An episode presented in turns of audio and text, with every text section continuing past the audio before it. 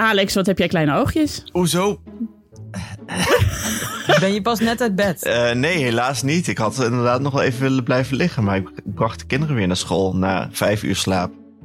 Oh, maar wat heb je gedaan dan? Ik was bij een concert en er waren allemaal vrienden. En eh, ze gingen lang door en het was leuk. Ja, ja, ja. Ik zag het op Instagram en het zag er inderdaad heel gezellig uit. Ook al had ik de muziek niet eens of het geluid niet eens aanstaan. Toen dacht ik al, oh, wat heerlijk. Het waren... Wat? Had Alex op Instagram een filmpje gepost over Filmpjes? uitgaan? Nee, van het concert. Oké. Het waren allemaal New Yorkers in, eh, in eh, heel veel leer. Of heel weinig leer af en toe. En eh, die een soort eh, rare obsessie hebben met eh, de vroege Madonna en eh, Italiaanse muziek. Naar welke Heerlijk. band was je dan? Een labelavond van Italians Do It Better. Ja, dat is een goede titel, een goede naam voor een label zeg. Ja. En was het dan ook echt lekker je- van die Italo-disco en zo? Ja, zat er ook in, ja. Oh, Ah, lekker. dat is wel leuk. Ja.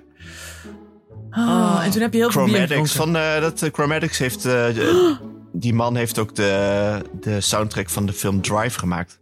Ja, Chromatics, Oh, ja. daar ben ik nog wel eens naartoe geweest volgens mij. Ja, die zijn wel eens hier geweest, ja. Nou, hij was Ja. er weer. Met, met als, een nieuwe, als een nieuwe vrouwen. Oh, wat heerlijk. Ja. Maar goed, het, was, het is even, even zwaar vanochtend. Dat snap ik, want Ja. je bent ook geen eh, 28 meer. Ik ben zeker geen 28 meer. Ik droomde vannacht dat ik... eh, eh, ik droomde de laatste tijd heel vaak dat Anne en ik aan het hangen zijn. Ik heb het gevoel dat mijn onderbewuste is heel erg voor Anne aan het zorgen. Dat is, eh, en het zorgen dat Anne het oké heeft. En dat is Maar- door te Ja, hangen. jij, wil, jij wil ook gewoon uit, Nienke. Die Ja, ik heb maar ontzettende knaldrang. Echt. Kan iemand mij even meenemen naar een of ander festival? Want ik heb hem toch een partij nodig. Maar, nee, maar Anne en ik, in mijn dromen gaan Anne en ik nooit naar een festival. We gaan altijd hangen op een oude bank. Alsof je weer in een studentenhuis woont. Dat, Ja, dat precies, zal- in zo'n kate met een Ja. bier, met een blik bier. ja, en met oude afleveringen van Magnum PI. Die dan Ja. iemand op heeft gezet. Zodat, Dat is zodat ik- Anne gewoon zijn joggingbroek aan kan houden. Exact. Maar ik ben niet de enige die voor Anne wil zorgen. Want na de aflevering van vorige week kwamen er zoveel lieve berichten voor Anne binnen. Het is echt hartverwarmend. Hij is er nu niet, want eh, hij heeft een eh uitje met dag en nacht. een berm, nee, grapje. Nee. Nee, ik heb niet eens tijd gehad om te luisteren. Wat, wat, waar- wat, is, hij aan het, eh, wat is hij aan het doen? Oh, ik heb, de, ik heb het voicebericht ook niet geluisterd. Maar daar gaan we dus nu naar luisteren. Ja, hallo, Anne hier vanuit Sportclub Only Friends. Het heet echt zo, Sportclub Only Friends. Only Friends. Oh, bij Klaar voor de dag, nacht, slash podemo, teamdag, slash sportdag, slash wie gaat er met de ambulance naar huis dag. Ik ben er dus niet. Heel veel succes met z'n drietjes weer. Eh, goed team staat er vandaag opgesteld. Hier ben ik nog niet zeker van de teams die opgesteld staan op de sportdag. Maar Flip ziet er sportief uit hier tegenover me. We hebben net in de auto al op weg naar, eh, Amsterdam-Noord is Flip met mij meegereden. En Jeroen ook trouwens, en Esther. We hebben Ujala Radio geluisterd. 95% aan marktaandeel onder Hindustan in Nederland. Het is nu 96% geworden, denk ik, nu wij hebben geluisterd. Anywho, ik wilde nog even ehm, eh, zeggen dat wij de allerliefste luisteraars hebben... die allemaal lieve berichtjes hebben gestuurd. Naar aanleiding van de aflevering van eh, vorige week. Dank daarvoor allemaal. En eh, ik ga ook, er zijn hier heel veel muffins trouwens bij de sportclub. Echt een slecht idee voor sportclub. Maar ze zijn lekker die muffins. Ik heb er al drie op. Groetjes, doei, love you.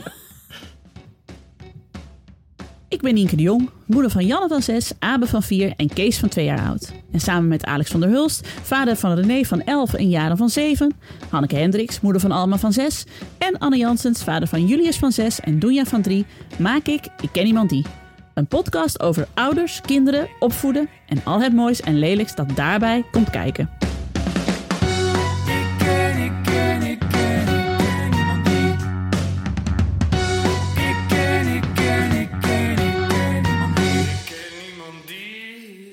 Nou, met Anne gaat het dus goed, want hij heeft al drie muffins op. Het is ook wel echt iets voor anderen om op de sportdag dan alleen maar muffins te gaan eten. Ja, en dat is een sportdag hebben we OnlyFriends. En OnlyFriends is de, de G- G-sportclub volgens mij. Ik heb daar een keer een live magazine gehad. En dat waren er allemaal mensen met een beperking aan het sporten. Ligt Dus het op nou zich mij? Klinkt het als Anne. only, ik vind het als Only Friends klinken. Als OnlyFans. Only dat, Fans. OnlyFans. dat het Anne's nieuwe, eh, nieuwe verdienmodel wordt. Ja. Wil je Ja, nog Anne meer is van een Anne beetje, eh, hoe zeg je dat? Hij, hij is weer op een sportdag die hem overkomt. Ook al is hij eh, eigenaar van het bedrijf. Ja, ja, precies. Maar En, iemand eh, heeft het georganiseerd en eh, hij wist het allemaal niet. nee. En het kan natuurlijk alleen maar fout aflopen. Dat hebben we al van tevoren geconstateerd. Ja, wij zeiden al van, hij zei zelf van, eh, ik heb al zo weinig aanzien, wat wil Ja. ik zeggen. Hij heeft al zo weinig aanzien bij dag en nacht. Wat echt wel meevalt hoor, want ze kruipen nog steeds allemaal voor hem hoor. Maar hij, hij doet het graag eh, voorkomen dat hij weinig aanzien heeft, maar dan met een sportdag wordt dat niet veel beter, denkt hij. Nee, ik denk het ook niet. Nee. maar Anna, als je dit hoort, wij houden sowieso van je. Ja. In de ambulance of niet. En de luisteraars dus in, ook, want wat veel lieve berichten kwamen er naar aanleiding van de aflevering van vorige week. Hartstikke lief. Jammer voor Maartje. Die heeft wat minder berichten gekregen. Maar eh Anne wordt in ieder geval gesteund door onze luisteraars. ja, ik, eh ik appte naar Maatje. Ik zeg, oh, je zit erin. Ik heb, eh, maar ik heb, je niet, ik heb je naam niet genoemd. En toen kreeg ik meteen daarna een berichtje terug met... eh, je hebt mijn naam wel genoemd. maar dat vond ze niet erg hoor. Maar ik dacht, oh, Jezus Christus. Ik, ik weet ook echt niet wat ik hier altijd zeg. Ik roep altijd maar wat. Ja, maar ik, Ja. ik heb ook het gevoel dat het gewoon onder ons blijft. Maar dat is al lang niet meer zo. Ja, tussen ons gezegd en gezwegen. Precies. Maar het is fijn om te merken dat eh, de Urban Tribe die wij met elkaar hebben eh, ge- gebouwd. Hè, met de luisteraars van Ik Ken Iemand Die. Dat die er in goede en in slechte tijden is. Dat is hartstikke fijn. Ja, Ja. vind ik ook. Ja, nou ja, Alex heeft nu een kaarten, dus de steunbetuigingen mogen van de- deze week naar Alex. Het is trouwens wel leuk wat ik las in de, in de, in de Telegraaf. Ik lees de Telegraaf soms. Sorry daarvoor. Heb je een, eh, online abonnement? Nee, nee, dat, nee, ik heb geen abonnement. Maar ik vind het wel eens. Maar daar schreven ze, er was, waren dus twee Nederlandse toeristen in Spanje overvallen. eh, door twee jonge lokale vrouwen die iets in hun drankje hadden gedaan. En er stond er, de twee eh, toeristen zijn letterlijk en figuurlijk wakker geworden met een fikse kater. Toen moest ik zo hard lachen dat je dus wakker wordt en al je kleren en je geld is weg en dan zit er zo'n kat zo. Miauw, zo, weet je wel. Dat ik dacht, oh aardig hebben ze al hun spullen gepakt, maar een kat achtergelaten. Ja, Ja, Die, Ik vind dat- die, is goed. die is silently judging you. ja, sowieso altijd. Ik vind het wat lastig met de Telegraaf, dat ik de Telegraaf niet wil lezen. Maar heel vaak toch naar de Telegraaf gelokt wordt door zo'n bericht inderdaad van... Vrouw van 300 kilo valt van balkon. En dat ik dan Ja, denk, precies. ik wil het toch eigenlijk lezen. Maar dan stuit ik altijd op de paywall. En dan denk ik toch, ja nee, ik ben echt te goed om hiervoor te gaan betalen. Maar dat Ja. gebeurt me dus wel echt zes keer per week. Ja, ik heb dat ook vaak. En dan ga ik ook wel eens googlen of ik ergens anders een nieuwsbericht kan vinden dat daar ook over gaat. Zodat ik het wel kan lezen. Nou, exact. Toch- Nou, ik heb, eh, ben, eh, ik, ik heb, ben dus eh, digitaal bibliotheeklid. En Oh ja. eh, nu, blijkt je dus, nu blijkt de bibliotheek ook nog aan te bieden dat je de eh, eh, tijdschriftenbiep hebt. Oh, Waar Dus- naast Vrij Nederland en de Autoweek ook de story eh, onderdeel van uitmaakt. oeh. Dus je hebt eigenlijk een soort blendel post la lettre. Ja, ja. ja, maar ik heb wel bij de story tegenwoordig het gevoel dat je de hele tijd opgewarmde kliekjes aan het lezen bent. Want alles wat erin staat is al honderd keer voorbij gekomen bij Yvonne Kolderweijer of op Mediacourant. En dan komt het ook nog een keer dan in de story en dan blijkt het allemaal niet waar te zijn. ja, dat klopt. Dat is ongeveer wel, ook wel waar ik in die lijn zit, zo ongeveer. Opgewarmde kliekjes. Ja, Ik vind het grappig dat Yvonne Kolderweijer eh opriep om juice voor, voor eh, Rob Kemps. ja en dat er toen En helemaal geen juice kwam. geen juice kwam. Alleen maar zo aardig. Die Ja. En dat was Vond haar nog mooi. nooit overkomen. Ze had bij alle mensen met wie ze ooit, eh, voor wie ze ooit zeg maar, Juice had aangevraagd, dat ze altijd kutbericht gekregen en voor Rob Camps niet. En dat verbaast me niks, want eh, ja, ik heb hem nog nooit in het echt ontmoet, maar we hebben zo nu en dan DM-contact en hij is echt heel lief. Het is gewoon topper. Kijk. We eens vragen aan de, aan de luisteraars of ze juice, of ze juice over ons hebben? zo, zo snurk. Zo. ik Nou, zou Hanneke macarons kopen bij de Albert Heijn. Nie- Nienke de Jong stond weer te, te schreeuwen tegen haar zoon in de bibliotheek in Zwolle. True story. True story. Ik zat Ja. met Dieke de Jong bij de kapper en haar kinderen. Man, man, man. Nou, nou heb je even. Gisteren zei eh, de vader van Jasper op het schoolplein. ah, Kees was weer hartstochtig aan het, hartstochtelijk aan het huilen. omdat hij zijn step niet mocht. En die had ik in de bakfiets gezet. En toen zei de vader van Jasper, die tikte mij op mijn schouder. En die zei: eh Nienke, het alarm van je bakfiets staat nog aan. Dat vond ik zo- en daarna ik echt zo. Fuck jou, vader van Jasper. Ja. Nee, dat is een leuke vader. Dus ik vond het ook een leuke grap. Dus eh, ja, het, was een hele, het is een hele leuke grap. Ja. Ik, wa- maar ik merkte dus laatst, je vertelde iets over een, eh, een ochtendritueel. Net nadat ik het Arie Boomsma ochtendritueel had gelezen. Hmm. Eh Arie heeft een heel lang ochtendritueel in de winter. Ja. Eh, met tongschrapen, ademen, IJsbadje. mediteren, ijsbadje, dieren loslaten, snijden. oefeningen. Ja. En acht liter water drinken. Ja. Maar Nienke de Jong paste toe met eh, Kees drie keer eh, op de gang zetten. Klopt. Vond ik toch, wanneer dan ga je, doe je dan je ademen? Eh, ja, eigenlijk als ik zit te schijten. Oh, wat erg is het. We zijn onze poepgrappen aan het maken nu. Oh. Wat is er? Maar hoe? Ik, ja, ik heb dus echt een ochtendtaak. Wij hebben nu een zero tolerance policy eh, wat betreft het schreeuwen van Kees. Want eh, voor de luisteraar, Kees is dus nu eind juli 2 geworden. Hij zegt nog steeds de vol- alleen maar de volgende woorden. Papa, mama, bal, oma, ehm, abe. En nee. En nee, waarschijnlijk. Ja. Nee, ook niet. Oh. Zegt Oh. hij niet. Roept gewoon bal als hij het niet wil. Nee, dan, nee, dan roept hij ah! En daar werden wij het zo knettergek van, want hij kan echt heel hard schreeuwen. En wij dachten ook van, ja, dit belemmert ook zijn spraak. Want hij, hij als schreeuwende krijgt hij gewoon precies wat hij wil. En zo, hij was echt ons allemaal aan het gijzelen. Dus we hebben nu zero tolerance policy. Dus het moment dat hij schreeuwt, zeg ik, wil jij op de gang? En dan zie je hem zo kijken, zo van, oeh, oh, dat wil ik eigenlijk niet. En dan stopt hij. En als hij niet stopt, moet hij inderdaad op de gang. En dat werkt dus best wel goed. Maar daardoor ja, het is net alsof je een kat hebt die niet zindelijk is. Weet je, dat je die dat naar buiten moet zetten en dan weer naar binnen moet laten, weer naar buiten Met moet de zetten. plantspuit steeds. Dat... Ja. Oh. Maar goed, we hopen Maar maar, goed, dat dus het gaat geen helpen. meditatie in de ochtend meer voor jou? Nee, nee. En eh, ook voor de luisteraars die hier tips over hebben. Ik heb eh, heel veel eh, mensen in mijn omgeving die of op een consultatiebureau hebben gewerkt, of eh, expert zijn in spraaktaalproblemen. Die coachen ons hiermee. Dus het is. Je het wil zal... geen, zeg gewoon even dat je geen tips wil. Nee, ik hoef geen tips over. Nee, ik ben echt, zit echt tot hier aan mijn tips. Misschien had je wat meer... eh, Nee, weet je wat jij zou Nee, moeten sorry, ik doen? wil het een kutopmerking gaan maken. Ja, dat zo, ja. Nou, ja, bij het consultatiebureau waren ze wat meer hartstikke lief moeten, hoor. moeten dragen. Ja, je moet het precies, kind wat meer natuurlijker. dragen. Hij is niet gehecht. Luisteren naar wat hij wil. Ja, precies. Ja, wat willen, jij, echt- wat jou Wat hij echt echt vertellen? wil. Ja, precies. Ja, zit Kees, iets wat achter. wil je nou? hey, Nee, waarom schreeuw je nou, Ja. Mannetje? bal, hij wil een bal. een bal. Hij wil gewoon geen boterham eten. Dat is het vooral.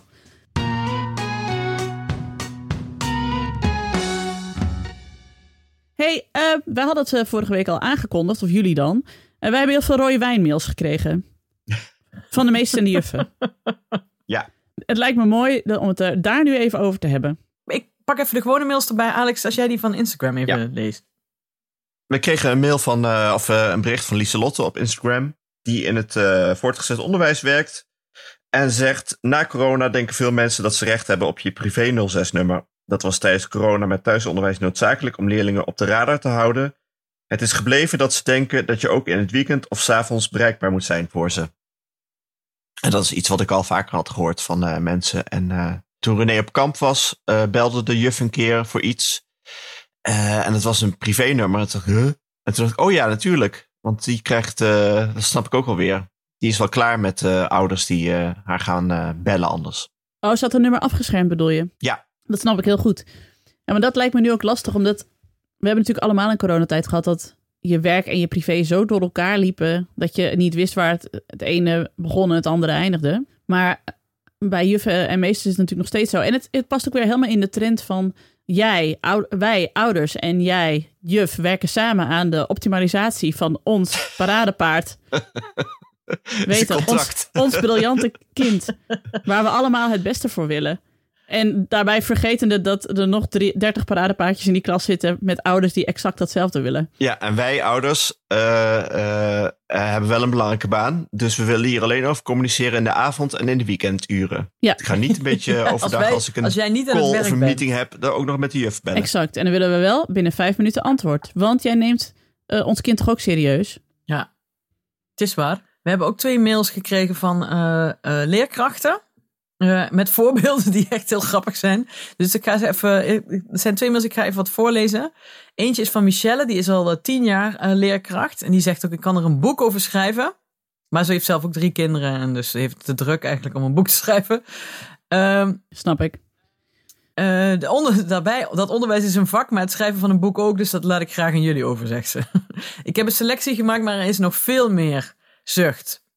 Eh, en dan zegt ze, ik heb met regelmaat een ouder ochtends aan mijn lokaaldeur gehad met de mededeling. En dan insert name. mag vandaag niet in de zandbak verven op de karren op het schoolplein. Want ze heeft vandaag uh, uh, een ander heel belachelijk duur merk kleren aan voor kleuters. schrijft ik heb het een beetje te druk met de ontwikkeling van pak een beet 28 snottenbellen. Zorgen dat ze iets leren en geen levensbedreigende capriolen bedenken en lesgeven en zo. Dat ik me echt geen zorgen maak om kinderkleren. Na school doe je voortaan maar Hema, Zeeman of zo aan. Een ander mooi moment was ik Oh, toen, met, erg. toen ik met groep 7 leerlingen en ouders de adviesgesprekken voerde. Ik vraag dan altijd eerst wat ze verwachten. Dan weet je een beetje hoe het advies gaat vallen. En ouders sprak deze woorden. Als het maar minimaal HAVO is. Want je wilt toch niet dat je kind naar het VMBO gaat. Maar ik ben zelf een VMBO-leerling geweest. En deze leerling zou een VMBO-TL-HAVO-advies krijgen. Deze ouder heb ik eerst heel lief gevraagd wat hij bedoelde. Waarna ik hem ook heel duidelijk heb uitgelegd dat het VMBO heel breed is. En dat je daar dus mee alle kanten mee op kan. Eh, leerkracht basisonderwijs worden bijvoorbeeld. Die ouder wist niet waar die kijken moest en was van de rest van het gesprek best wel timide. Ja. maar geen VMBO. Ja, dat vind ik ook zo, zo stom. Dat dat alsof je.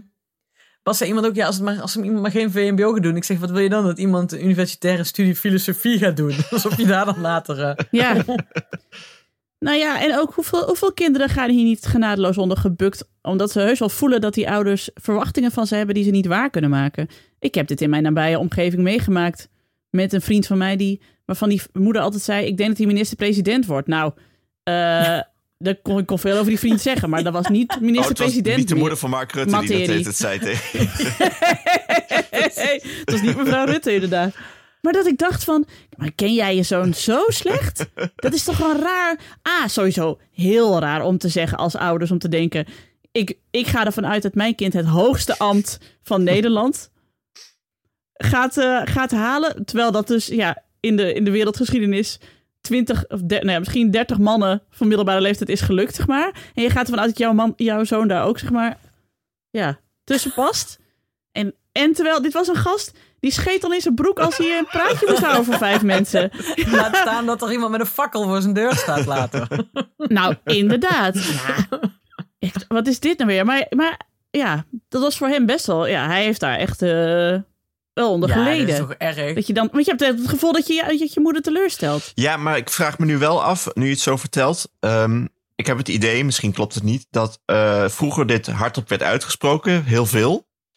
Van nou, dit wordt er eentje, of hij moet eh, dit en dit worden. En dat het nu eh, eigenlijk nog wel bestaat, maar dat niemand het meer hardop uitspreekt.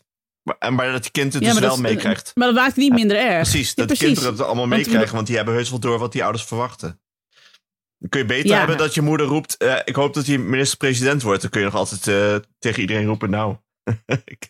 Nee, precies. Wil ik helemaal niet. Ja. En dat je, dat je moeder, zeg maar, zwijgend allemaal folders van de, de universitaire opleiding bestuurskunde onder je kussen legt. Elke Nee, rode. Ja, Oh. ja, of geschiedenis, want dat heeft Mark Rutte gedaan. ja, geschiedenis. Nou, blijk- blijkbaar hadden die ouders ook niet het idee van die wordt minister-president, want anders laat je hem niet geschiedenis studeren, Ja, zou je zeggen. ach ja. Zolang ze maar gewoon later eh, de hypotheek een beetje kunnen betalen, is het toch goed? Nou ja, dan moet je, kun je Nou ja. het beste VMBO doen. Want anders kom je in zo'n vage marketeerfunctie. Ja. Waar je er weer precies. uitgegooid wordt binnen de kortste keer. Ga je CMV studeren? Of zoals hier in het dorp, dat is stel jongens van, jongens, mensen van onze leeftijd, die hebben gewoon zelf een vriendengroep, die hebben zelf een huis gebouwd. In drie jaar tijd. Ja, dat dat. is echt fantastisch. ja, gewoon in de, s'avonds en in het weekend zag je die dan bouwen. En dan nou is het bijna ja, af. nou, Gewoon een huis gebouwd, jongens. Wat, wat hebben wij in die drie jaar gedaan? Een podcast gemaakt over opvoeden. Ja, Verschrikkelijk. Oh, we werken zo hard. Jemig, Oh, hey, toevallig Ja. eh, interviewde ik gisteren iemand eh, die eh, lesgeeft eh, of eh, ehm, eh, onderdeel uitmaakt van een docentenacademie op de universiteit. We hebben een lerarentekort, hè? En eh, daardoor gaan mensen roepen wat ze al deden, of misschien nog steeds doen. Ja, dan zet je maar eh, Jantje of Pietje voor de klas. Wat ook een hele rare, eh, Ja. hoe- zeg je dat? Eh, veronderstelling is van dat iedereen dat maar kan. Ja, ja, Onlangs hebben de ministers ook een- in een brief eh, aangegeven aan de Tweede Kamer van dat moeten we maar niet doen. Laten we gewoon de kwaliteit hoog houden. Alleen ja, dan blijven we nog wel even met een lerarentekort zitten. Dus het is een beetje een dilemma. Hm. Eh, ja dat is dus eigenlijk, wat wil- je liever? Vier dagen een goede eh, docent En dan dus één dag geen docent, Precies. omdat er geen docent is. En, of vijf dagen eh, een gesjeeste marketeer die al te slecht was in zijn marketingwerk. En die dan denkt, nou dan maar het onderwijs in. Ja, dat is het een beetje. Maar ja, het is ook wel, eh, hij zei, het is ook wel een cyclus. Als je leuke, gemotiveerde, eh, goede mensen voor de klas hebt staan, dan heb je ook weer eh, leerlingen die na een tijdje gaan denken, hé, hey, ik kan ook dat vak gaan kiezen. Ja, Maar goed, daar gaan nog wat jaren overheen. Michelle sluit ook af met dat ze echt het leukste vak van de wereld heeft. Dus Precies. ja, maar die moeder met die kleren dat is toch ook erg.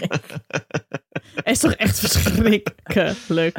Ik weet nog wel dat ik toen Janne heel klein was, toen had ik, dan deed ik ook nog wel eens van die dure kleren aan of zo. Die had ik dan ook allemaal weer ergens tweedehands op de Lily. kop getikt hoor, daar niet van. Oh, Lily, Nee. sjaaltjes. Dat ik dan... Boba Shows en Made for Mini en eh, dat soort dingen. Dat is zo- dus één zo'n website waar ze nog wel eens korting Premium hadden. living. Orange, orange mayonaise was het. Maar goed, maakt niet uit. En eh, toen merkte ik al vrij snel, het is gewoon, het slaat gewoon nergens op. Want die kinderen worden zo snel goor. En ook, ja, voor wie doe je dit? Het boeit het kind geen in de zak. En jij zit alleen maar in de stress over, oh, krijg ik deze vlekken nog uit? Ja, Ja, precies. Dat is net als met een bank. precies. Ik heb vrienden die hebben op een gegeven moment een hele dure designbank gekocht. Terwijl die, die vrouw zwanger was van het eerste kind. Zeg ik, ja, dat is echt heel dom. Ja, Want je bent de rest van de eerste drie jaar ben je bezig. Nee, niet op, nee! ja. Henkie, weg van de bank, weg met die. Nee, maar er zijn natuurlijk ook, dus voor mij heb je twee soorten ouders. De ouders die daar dus al niet de puff meer voor hebben. Nou, lees wij, want ik, wij hebben ook echt zo'n bank waar echt allemaal vlekken in zitten en I don't care. Want we hebben gewoon een leren bank genomen, dan valt het wat minder op. Oh Maar- ja, ja, we hebben gewoon eentje die kan die hoezen kunnen gewoon in de van Oh ja. wasmachine. Het grappige was ja. Toen een keer bij Diederik Jekel was, omdat we iets moesten opnemen. En hij had precies dezelfde bank, maar hij heeft geen kinderen. Toen zag ik, oh ja, zo zag hij eruit. ik, ik heb exact dezelfde bank, maar dan met 80 vlekken erin. Eh, dus dat zijn wij. Maar je hebt ook ouders die dus gewoon zeggen, nee, ik wil gewoon mijn kind vanaf begin af aan opvoeden van eten doe je niet op de bank. Eten doe je maar aan tafel. dat is ook, daar valt ook wat voor te zeggen. Want ik had, gisteren had ik vier eh, meiden hier eh, pannenkoeken eten voor de zwemles. En eh, dat is, was zo grappig om te zien. Nou, Alma die, die, die, die rolt de pannenkoeken niet op. Die, die pleurt er echt een berg spul op. En die vouwt hem zo dicht. Als een crepe. Als een crepe, ja. Grijp, ja, dicht duwen zo ongeveer. Ja, nou, de- degene naast haar die is dan ook net als Alma een berg erop. Maar die rolt het hem wel op. En dan had je nog, eh, nog een meisje die dan net weer iets netter was. Die, die sneed hem dan wel, zeg maar. Die at dan wel met een voor één vork. En toen had er, was er eentje en die zat die echt alleen maar heel voorzichtig poedersuiker erop. Een heel klein beetje stroop. Allemaal dezelfde leeftijd, dezelfde klas. Die rolt hem op en die begint met mes en vork. Heel rustig. Gewoon die andere zat echt te proppen, weet je wel. ja. En zij heel rustig zo die pannenkoek. En toen, eh, mag ik er nog één? Ja, nou kreeg ze er nog één. Precies hetzelfde, netjes met mes en vork. En toen heb ik moeten zeggen, ho ho, de laatste moet je laten liggen. Want anders heeft zij niet, eh, jullie hebben er al 16 op. En zij heeft pas, weet je, omdat zij veel... Nou, en die andere ging ook al spelen. En zij eet heel rustig die derde pannenkoek op. Was Wat een kind. Veeg ze zo de mondhoek af en dan ging ze ook spelen. Ik dacht echt... Wow, wat is dit? Wat is hier aan de hand, weet je wel? Het kind is gewoon al helemaal klaar voor de wereld. Ja, ja, het was Dat echt zo- dat- wonderlijk. Ja, want je hebt van die kinderen, die kun je dus een, een witte trui aandoen. En die is s'avonds gewoon nog steeds wit. Ik vind dat een Ja. wonder. Ja, ik maar- denk dat, eh, ja, bij Alma is dat niet, eh, nee. nee. 19 vragen. Ik ken, ik ken, ik ken, ik ken niemand die. Ik ken niemand die. Even naar die eh, docenten terug, hè. Ik heb nog een brief, maar ja. Wat kun je, eh, je, soms wil je iets weten over je kind, of iets zeggen, of iets meegeven. Eh, wat kun je verwachten eigenlijk van, wat mag je verwachten van een docent? En wat mag jij eh, delen met een docent? Of, of Ja, wat is, hoe is, want dat vind ik lastig inderdaad. Wat is de dunne lijn tussen eh, ik wil gewoon helpen met zeg maar dat mijn kind het fijn heeft op school Mhm. en dat jij mijn kind ook goed begrijpt, zeg maar. precies. En waar gaat het dan over in ik ben een tiger mom ja, en het wordt irritant? Dit is oprecht een vraag voor de docenten die naar ons luisteren. ja. Laat ons weten hoe dat zit. Want ik heb er zelf ook mee geworsteld. Want ik was. Abe, die zit dus nu in groep 1. Maar Abe is een heel fanatiek eh, mannetje. En die leert zichzelf nu dus lezen. Ehm, en ik had dus wel zo stiekem tegen de juf gezegd: van ja, als je met groep 2 de letters aan het leren bent, zet hem er maar bij als, je, als het mag en kan, eventueel misschien, als het niet veel moeite is. Want hij zit toch de hele tijd met jullie mee te luisteren. Want dan hoorde ik hem zo van ja, groep 2 mocht dit en groep 2 moet dat. En ik heb even meegekeken. dacht ik ja, dan kan hij ook wel gewoon in één keer meedoen. Maar toen ben ik dan een Tiger Mom of niet? Ja, en ook nog eens aanvullend daarop. ehm, ja, je gaat je ook afvragen. Ja, omdat die eh, drie à vier ouders die de hele tijd lopen te schreeuwen. eh, misschien toch weer allerlei aandacht naar hun kinderen toetrekken. Moet jij dan niet weer ook je laten zelf laten horen. Zodat je niet achteraan in de rij staat? Of werkt dat Ja. niet zo? Nou, en ik wil Maar zo'n niet... juf zit toch zelf ook in de klas? Die ziet toch ook wel dat hij met die andere groep meeluistert? Maar, het, is, maar het, is, het zijn echt grote klassen. Dus ik snap ook wel dat een kind kan ook, omdat Abe is verder niet een jongen die heel veel de aandacht op zich vestigt. Die, die gaat toch gewoon door of zo. En die kan zichzelf ook heel goed afzonderen. Je kunt hem, ja, niet dat je hem over het hoofd ziet of zo, maar ik kan me ook voorstellen dat je, de, dat je het niet helemaal door hebt. Maar hebben jullie Ja. al een oudergesprek gehad? Ja, dan kun je dat waren- ook zeggen. We waren te laat met het inschrijven voor de ouderavond. Dus dat moet ik nog even doen. Maar goed, ik heb het dus al zo Ja, een beetje... dan moet je inderdaad op zo'n kuttijd op maandag om half twaalf, weet je wel. Ja. Nee, het was gewoon echt al, de inschrijving was er gesloten. We waren het even vergeten. Maar Ja. ja. je wil ook weer niet dat je kind zich verveelt. Dus het is, ik, denk, ik denk, ik wil ook niet dat Abe later zegt... ik verveelde me stierlijk op de kleuterschool. En dat ik dan zeg, ja, dat was omdat ik geen tigermom wilde zijn. Daar moest jij je vervelen. Dat is Nee, dus, ook... maar het is ook zo dat ze op de kleuterschool, dat het ook nog gewoon... Volgens mij hoef je op de kleuterschool ook nog niet echt Nee, dat is ook zo. zorgen te maken over dat soort dingen. Nee. Want dat, dat, ja, dan moeten ze ook nog een beetje kloten. Hoeven ze niet bij een andere groep te worden gezet, Nee. omdat ze dan Nee. dat waarschijnlijk leuk vinden. Nou, misschien vindt hij het gewoon leuk om mee te luisteren en voelt hij zich daardoor... Ja, maar dat kun je inderdaad, moet je met die juf gewoon een keer bespreken, Ja. inderdaad. Maar verder, ja, Het fijne van eh, Montessori is dat ze dus... ehm, die kinderen worden al vanaf de peutergroep al heel erg eh, aangemoedigd om zelf eh, dingen aan te pakken. Dus ze hebben gewoon zo'n zo'n kast met van die taakjes. En hij, ik merk dus aan hem, hij pakt nu alleen nog maar leestaakjes eruit. En dan vertelt hij aan ons welke letters hij zelf gewoon al heeft geleerd. Dus hij kan, het ook, hij kan ook heel veel zelf oplossen. Dat leren ja ze daar misschien gewoon al. dan kun je best nog wel een keer overleggen. Ja, waarschijnlijk heeft die juf dat al lang door. Ja, maar goed, ik heb natuurlijk ook mijn, met mijn felheid en mijn aanwezigheid op school natuurlijk een beetje die Tigermom vibe al. Dus ik probeer dat een beetje af te zakken. Verschrikkelijk niet. Het is heel erg. Wacht maar gewoon tot het eh, oudergesprek. Ik heb hele slimme kinderen. Precies. Jullie Ja, moeten er allemaal heel hard voor voorlijk kind. werken. Een voorlijk kind. Je ook altijd je MR-jasje aan eh, als je de Zeker. school inloopt. En heb je daar een speciale jas voor, net zoals bij Grease. Ja. En je had nog een brief, eh, Hanneke. Oh ja. Ja, nee, met Alma is het trouwens wel grappig. Ja, die is niet, eh, die is gewoon, of zei ik dat al? Die is gemiddeld, gewoon. Ja, maar ik vind zei, het weer wel heel bij... vervelend dat ze de hele tijd eh de hoofd op de armen legt als ze het saai vindt. Op wie lijkt het toch? Joris en ik keken elkaar allebei zo aan. Oeh, dat doen wij zelf. ik heb ook wel eens tijdens toen ik les kreeg, toen ik op, de HBO zat, dat was het dan gedaan als ik het saai vond. Snurk. Het Ja, is, zolang ze er geen geluid bij maakt, is het misschien goed. Als ze niet heel hard saai Ja. roept in de klas. Ja, ik heb wel tegen allemaal gezegd, ik zeg, je moet, je niet meer, je moet niet meer gewoon eh, met je hoofd op je armen gaan liggen. Ik zeg, dat is helemaal niet leuk voor de juf. ik, heb, ik heb hier nog twee verhalen over. Eén verhaal van een jongen die dan altijd achter in de klas, dit was op de middelbare school. Eh, als het dan te lang duurde met iemand die een antwoord moest geven, dan deed hij altijd zo. Oh, Oh, nee. eerlijk. Echt een, echt een lul ben je dan. Nee, maar is een aardige jongen, maar toen was hij wel een lul. En eh, mijn eh, geliefde broer Jaap Dier, die heeft eh, één keer ontzettend op vader gekregen van meester Gerrit in groep eh, 7, 8. Omdat hij toen kreeg iemand uit de klas een vraag, een rekenvraag, een andere tafel, weet ik veel of zo. En dat ging niet snel genoeg. En Jaap die was naar, naar buiten aan het staren. Die verveelde zich ook altijd een beetje. En toen zei dat meisje eindelijk het antwoord. En toen flapte hij eruit, hè, hè. En toen was meester Gerrit zo kwaad geworden. En voor de mensen die op de Twattine in Gauw hebben gezeten... en nog weten hoe kwaad meester Gerrit kon worden... dat is echt serieus kwaad. Die werd nooit kwaad, maar als hij kwaad werd... dan kon hij echt bulderen. Dus dat heeft bij Jaap echt, nou ja, zo'n indruk gemaakt... dat je kunt hem nu... Jaap, als je dit hoort, spreek even een voicebericht in... om te vertellen hoe erg meester Gerrit kwaad op jou werd. Geheel terecht. Want dat is echt verschrikkelijk. Hij weet het nog. Ja, Ja, nou ja. Goed, mijn oudste broer is wel eens van de MAVO afgetrapt. Maar waarom? dat hij, ja, dan wilde hij, had dan, hij was zo'n waver en dan had hij zo'n ripfluwelen pet. En die wilde hij dan niet afzetten. Zo Peaky Blinders.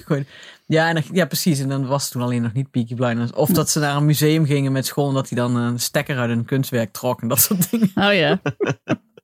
Oh, want laatst hadden de groep achters hadden een presentatiedag. eh, waarin ze allemaal een project gedaan. Waarin ze. Elk groepje had dan een land waar ze iets over vertelden dan. In een soort spreekbeurt. Waarbij ze ook nog eh, de woorden of eh, de taal eh, hadden en een gerecht. Dat was op zich wel leuk natuurlijk. Lekkere hapjes uit Chili. Oeh. Ja, beter dan de couscous uit Libië moet ik zeggen. Want dat was gewoon eh droge couscous. Maar ehm, Lekker makkelijk. eh, ja, het was zo georganiseerd dat ze het ook in het souterrain hadden. Waar, wat een heel slechte akoestiek had. Waar acht groepjes door elkaar heen stonden te praten. Was dus niet ideaal. Ik hing zo ongeveer in die groepjes eh, met mijn hoofd om het te horen. maar er was dus... eh, eh, René was pas in de tweede ronde. Dus we, Cynthia ging ergens zitten. Ik dacht, ja, domme ga je daar zitten. We waren net de twee vervelendste jongens van die hele groep acht. En dat was zielig, want ze hadden dus... ze waren bij elkaar gezet allemaal. Via een soort loodsysteem. En er, was, er zat ook een meisje bij die dus bij die twee vervelende jongens zat. En, en heel zacht praten. Och. En die ene jongen zat heet, moet harder praten. ik dacht echt, hou je mond, sukkel. Maar goed, toen ging hij dus praten. En hij was ook niet te verstaan. Vond ik echt heel leuk. Ehm, ja, en verder wat dus iedereen deed was, ze hadden een poster gemaakt van het land. En wat ze deden was dus naar de poster toe praten die achter hun hing. Oh ja. Inclusief slechte akoestiek. Dus toen, het was echt een ramp.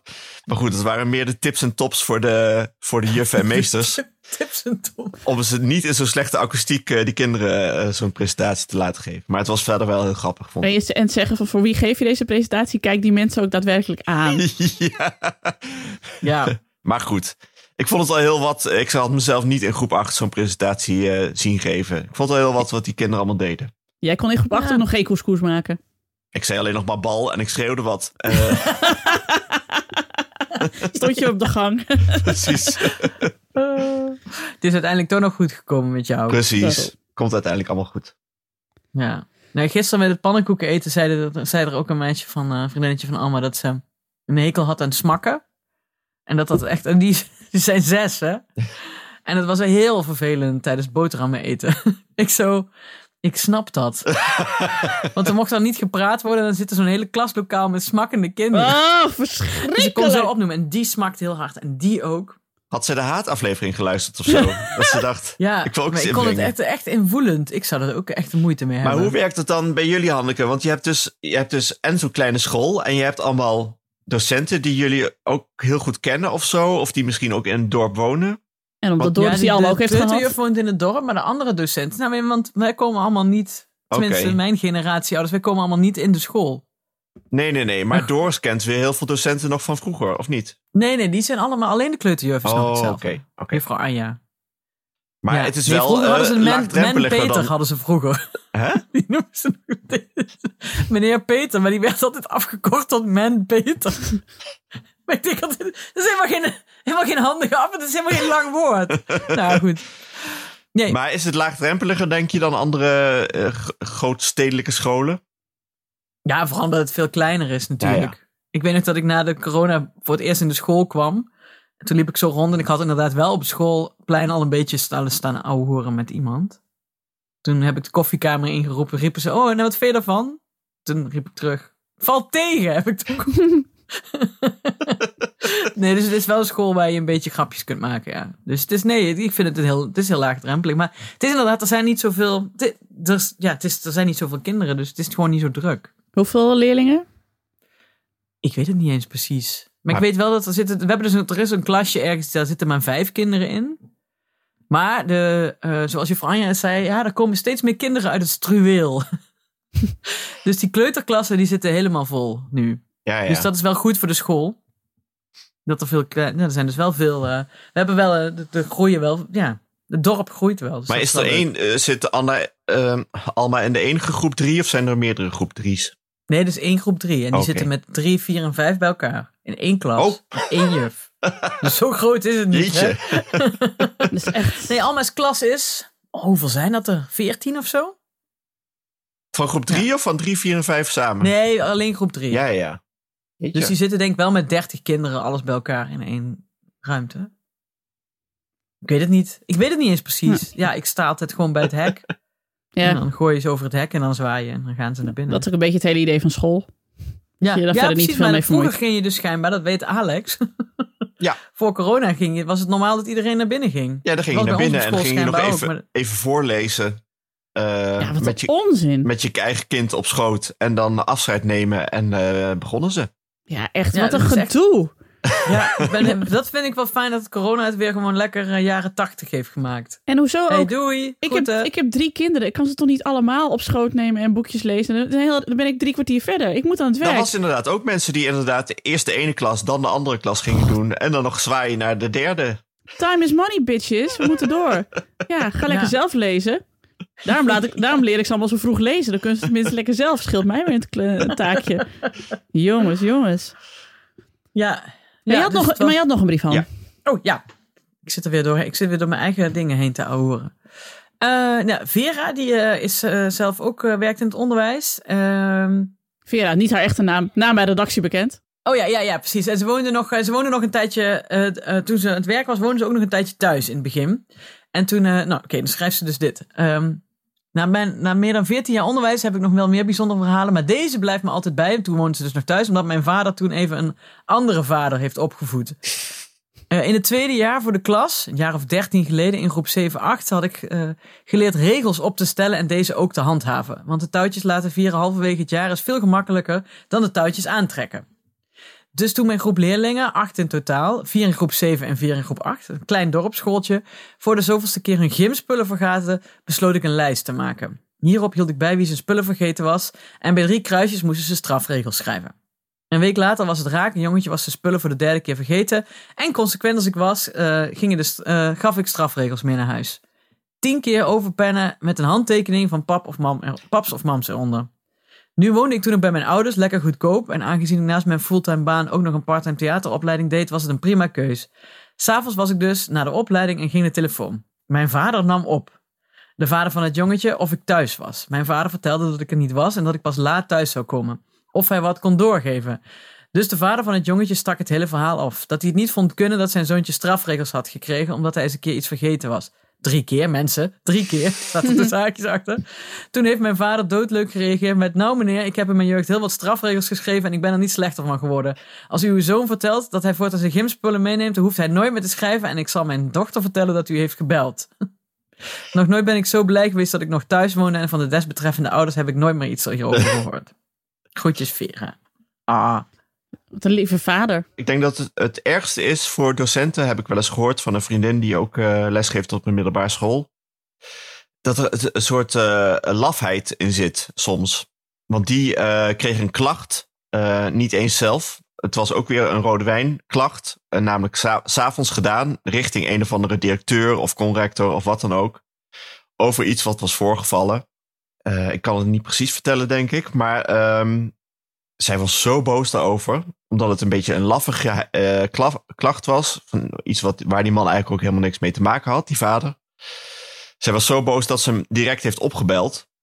Nou, en toen was het Ja. gelijk weer stamelen. Oh, eh, eh, ja, nee, ik bedoelde. eh, het was een Twitterklacht eigenlijk. Precies, Ja. het was een typische Twitterklacht. En zodra je belde, was het weer gelijk. Oh nee, ja, toen was alle, alle moed weer verdwenen bij die meneer. Weet je wie dat ook doet? Mark van Rans, de viroloog uit België. Oh ja, Die zoekt dus nu, als mensen helemaal los op hem gaan op Twitter, dan zoekt hij, hij is, eh, binnen no time heb je altijd een mailadres of zo of een telefoonnummer wel gevonden. Dus dan zoekt hij dat op en dan gaat hij opbellen of gaat hij mee en zegt hij, ja, eh, met Mark van Rans, wat bedoelt u nou eigenlijk mee? Oh, wat gezellig lijkt me dat. Heel goed. En die mensen binden dan Ja. natuurlijk meteen in, want het is, ja, Ja. dat is helemaal niet de bedoeling. Elfie Tromp heeft Ja. dat ook een tijd gedaan. Die ging dan mensen, die hele gemene stukje, toen schreef ze nog columns, eh, gemene dingen, reageerde op haar columns. Dan ging ze die terug DM'en. En dan ook vragen van, hé, hey, maar eh, heb je huisdieren? Of wat is je beroep? En dan kreeg je Ja. mensen, oh, ben je eigenlijk aardig online? Weet je wel zo. Ja, Dan ging ze gewoon het gesprek aan. Werkte heel goed. ik las gisteren dat uh, Karel Smouter het ook had gedaan van NRC. Oh, echt? Die, eh, ja, die had met Geen Stijl, had hij, eh, Geen Stijl toegeschreven toen hij wegging bij de correspondent van... eh, ja, nu moet de rest nog dood of zoiets. En met hem met een eh, Hitlersnorretje. oh jee. Eh, Ook bij Karel ja, ook, had- echt, dat is echt... Ja, Ja. sorry luisteraars, maar echt een van de liefste mensen. Ja, Hij heeft die persoon gelijk opgebeld en gezegd, eh, wanneer gaan we wat drinken? heel goed. En dat heeft die persoon ook gedaan. En die zijn ook, eh, ook een soort van vrienden geworden. Het is heel... Ja, nee, ja, die mensen zijn altijd helemaal flabbergasted als je, eh, als je dat doet. Maar inderdaad, gewoon even die ouders. eh, ja, nee, goed. eh, ik vind ook dat je, als, als je iets te klagen hebt, doe het gewoon direct bij die eh, docent. Ja, en niet naar een directeur. laffig. Kom op. Ja. En gewoon even aardig. Mensen, doe eens gewoon aardig. Gewoon aardig doen. ja, je hebt toch een vraag? Ja. Of, meestal is het de vraag. en ook als je, dus, als, je, als, je de, als je de docent heel stom vindt. We hadden bij de Blauwe Hand altijd dan het adagium. Kill them with love. Precies. nou ja, zoals Daniel Loos zingt, aardig doen tegen mensen die niet aardig doen. Want die hebben het hardste nodig. Ja. Is wel En zo. dan, meestal kom je ook wel, want dan gaan mensen zich ook schamen. En dat is altijd een lekker gevoel. Nou ja, en hou gewoon even, zoals ik hier vaak zeg, eyes on the prize. Kom op, wat wil je nou? Je wil dat iemand iets voor jou gaat veranderen of ergens meer aandacht aan besteedt. Dat gaat toch sneller als je gewoon aardig doet tegen iemand en het gewoon aardig vraagt. En niet dat Ja. je iemand eerst nog tegen de haren instrijkt omdat jij op hoge poten ergens naartoe gaat. En daarna moet je, en dan moet je de relatie weer goed maken. En dan krijg je pas wat je wil. Zo, of krijg je nooit meer wat je wil, want dan denkt die de docent in kwestie ook, ja, tief jij lekker een end op. Het heeft ook Ja. helemaal geen nut. Nou ja, het is, de- die docent die, moet, die denkt dan de hele tijd: oh, dat, eh, dat is die leerling met die vervelende Ja, vader. dan hoor je die ouders. Ja, Oh, die gast. Oh, die vrouw. En elke klas heeft zo'n ouder.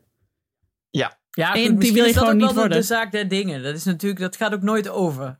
Nee, er moet Nee, altijd nee, iemand... zeikert Ja. ergens. in het beste geval eh, denkt zo'n eh, docent: eh, goh, ja, daar kan die leerling ook niks aan doen dat hij zo'n vervelende ouders heeft. Nee. Maar, maar dat is het beste Ja, geval. en in het slechtste geval straalt het ook nog af op jouw kind, inderdaad. Precies.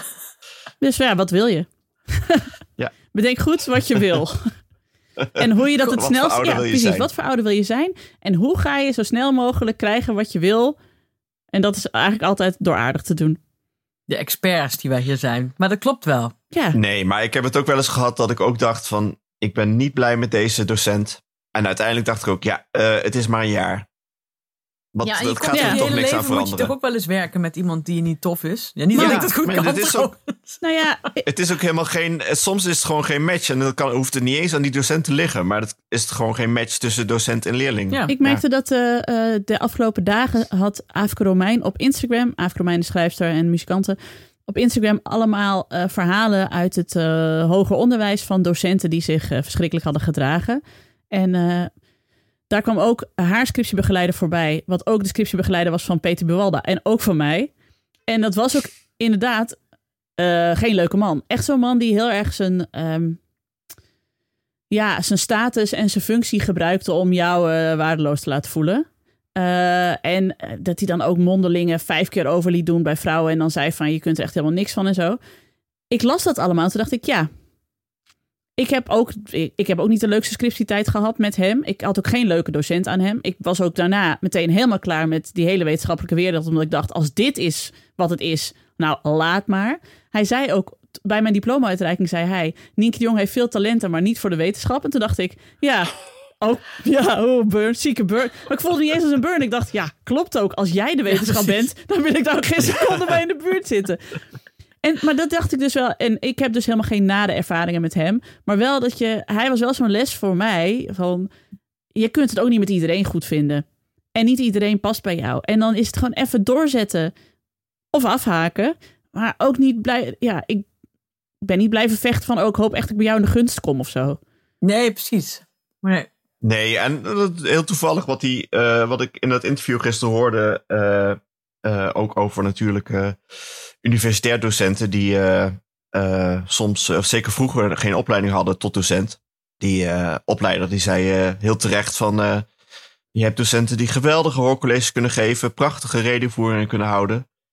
Maar eigenlijk zijn het helemaal geen goede docenten. Tot op emotioneel Want vlak nog of zo. eh, ja. Precies. Ze moeten uiteindelijk ook nog eh, jouw ontwikkeling eh, begeleiden. Ja. Ja. Ja. daar zijn mensen soms ook niet voor in de wieg gelegd. Nee, en dat viel ook bij, bij Nederland aan de Universiteit Utrecht gewoon ook niet echt op. Want alle docenten waren zo. Er was er volgens mij geen één die pedagogisch echt lekker in de wedstrijd zat. Die echt zo zei, en hoe gaat het nou met jou? Weet je, het nooit. En, en als ik nu zie hoeveel aaien over de bolle Tom hier moet geven bij Windesheim... bij al die meiden van 18 die dan zo... "Oh, kan het allemaal niet aan. Eh, denk ik, ja, zo'n docent had ik ook willen hebben. Maar ik had niet eens door dat het überhaupt tot, tot de mogelijkheden behoorde. Nee, dat was niet voor, in de, lag niet in de lijn der verwachting destijds. Bij de Universiteit Utrecht. Nee, zeker niet. Nee. Nee. Bij Nederlands, nee. Vroeger. Nou, ik weet, eh, ik weet niet, eh, de- ik weet niet jouw tijd bij filosofie, Hanneke, maar dat was ook niet echt een eh, didactische topper. Nee, maar ik was ook veel te, ik was ook veel te dom voor filosofie. Ik heb, ik, ik, ik heb daar niks van gesnapt. Zat je zo'n Nee, vak, zo'n, de- zo'n, zo'n vak logica, ik, dan zag je allemaal mensen heel driftig pennen. Ik denk, ik begrijp niet eens welke taal die eigenlijk spreekt. Het is Nederlands, maar geen idee. Nee, echt, Nee. nee, nee, nee. Nee, er is geen, er is geen filosoof aan mij verloren gegaan. Nou, meer gewoon een huistuin- en keukenfilosoof. Het hoeft, het hoeft niet per se meteen met een wetenschappelijk sausje overheen bij jou. Gewoon de Oprah Winfrey filosofie. Precies. Ja. Ja, nee, precies. en het stond leuk op mijn cv ook. Nou, precies. Heeft ook wel meer aanhangers Ik heb twee jaar lang daar in een collegebank gezeten. Oeh, wat is dat goed van jou. Ja. En uiteindelijk, hoeveel, hoe vaak hebben we Hegel geciteerd in deze podcast? En hoe vaak hebben we Oprah Nou, geciteerd? hier. Ja, precies. Wel zachtere, toch? De hel, dat zijn de anderen. Ja, precies. Maar goed, dat heb ik meer Daar als... hebben we voorbeelden van gegeven vooral. Maar goed, dat heb ik op de toneelschrijfopleiding gelezen, niet tijdens filosofie. En ik vind het toch mooi om dit resume poplepay. Ik vind het fijn dat wij een opvoedpodcast zijn voor ouders die altijd op de hand zijn van de docenten, nooit op de hand van de ouders. Wij zijn Nee, totaal maar- team docenten. Nee, ja, precies. Want we, zijn, Ja. we weten zelf ook wel dat we... Het zijn gewoon Nou heel veel vreselijke het- mensen op de het, wereld. eh, dat, dat moet ik eh, eh, aangeven als eh, kind van een docent. Eh, heel, heel lastig was dat altijd. Ik kwam altijd thuis klagend over de docenten. En mijn vader, zelf docent, begon altijd... Ja, ja, ja, maar misschien heb je zelf Ja. dan... eh, ik ja, maar ik wil ook wil een gewoon een keer klagen. klagen. Ja. Laat me nou klagen. Ja, hij zat, ja, maar ja, die docent, ja, ja. Het zijn ook geen Ja. heiligen, hè? Nee, zeker Nee. Nou jongens, ik vond het fijn om het hier even over te hebben. Eh, als je nog meer rode wijnmails hebt, blijf ze vooral sturen. We vroegen het in de aflevering van vorige week. Maar ja, die, die aflevering komt online op woensdag en op donderdag nemen we alweer op. Dus ja, in de We lopen eigenlijk altijd achter. Ja, dus kom maar door gewoon met die rode wijnmails. Dan doen we nog een keer een part 2. Vinden we hartstikke leuk. Eh, dus de meest verschrikkelijke anekdotes die je als docent hebt over, in, over het onderwijs en over ouders en over kinderen, vinden we leuk. Ehm, volgende week is Anne daar hoop ik ook weer. Misschien zijn we wel eens een keer met z'n vieren volgende week. Wie weet. Nee. Ik kan er volgende week niet bij zijn. Ik ben er ook niet. Ik ben er volgende week niet. nee, Ik ben er wel volgende week. wel gezellig. Nou, eh, er zijn in ieder geval Oh. altijd drie. Dat is fijn. En Alex is er sowieso altijd. Dat is zo lief van Alex. Zelfs ja, met een kater. ik denk het. Ja, Ik, heb- maar ik heb het ook niet het idee dat ik er vandaag was. Maar goed, jij was er echt. ik hoor het wel terug. Daarom. Dat was hem weer. Dank aan mijn vaste tafelgenoten Alex van der Hulst en Hanneke Hendricks. De productie was in handen van de afwezige Anne Janssens. De montage is gedaan door de getalenteerde Jeroen Sturing. De goedkeuring komt van Til Toxopees. Mocht je ons iets willen vertellen, heb je een tip of een vraag of een opmerking, kom dan naar onze Vriend van de Show pagina. Voor een klein bedrag kun je Vriend van de Show worden, waardoor je ons de gelegenheid geeft om nog meer mooie afleveringen te maken. Op Twitter heten we @ikkenniemandie en ons mailadres is ik@dagennacht.nl. Dank voor het luisteren en tot de volgende. Doei. Doei.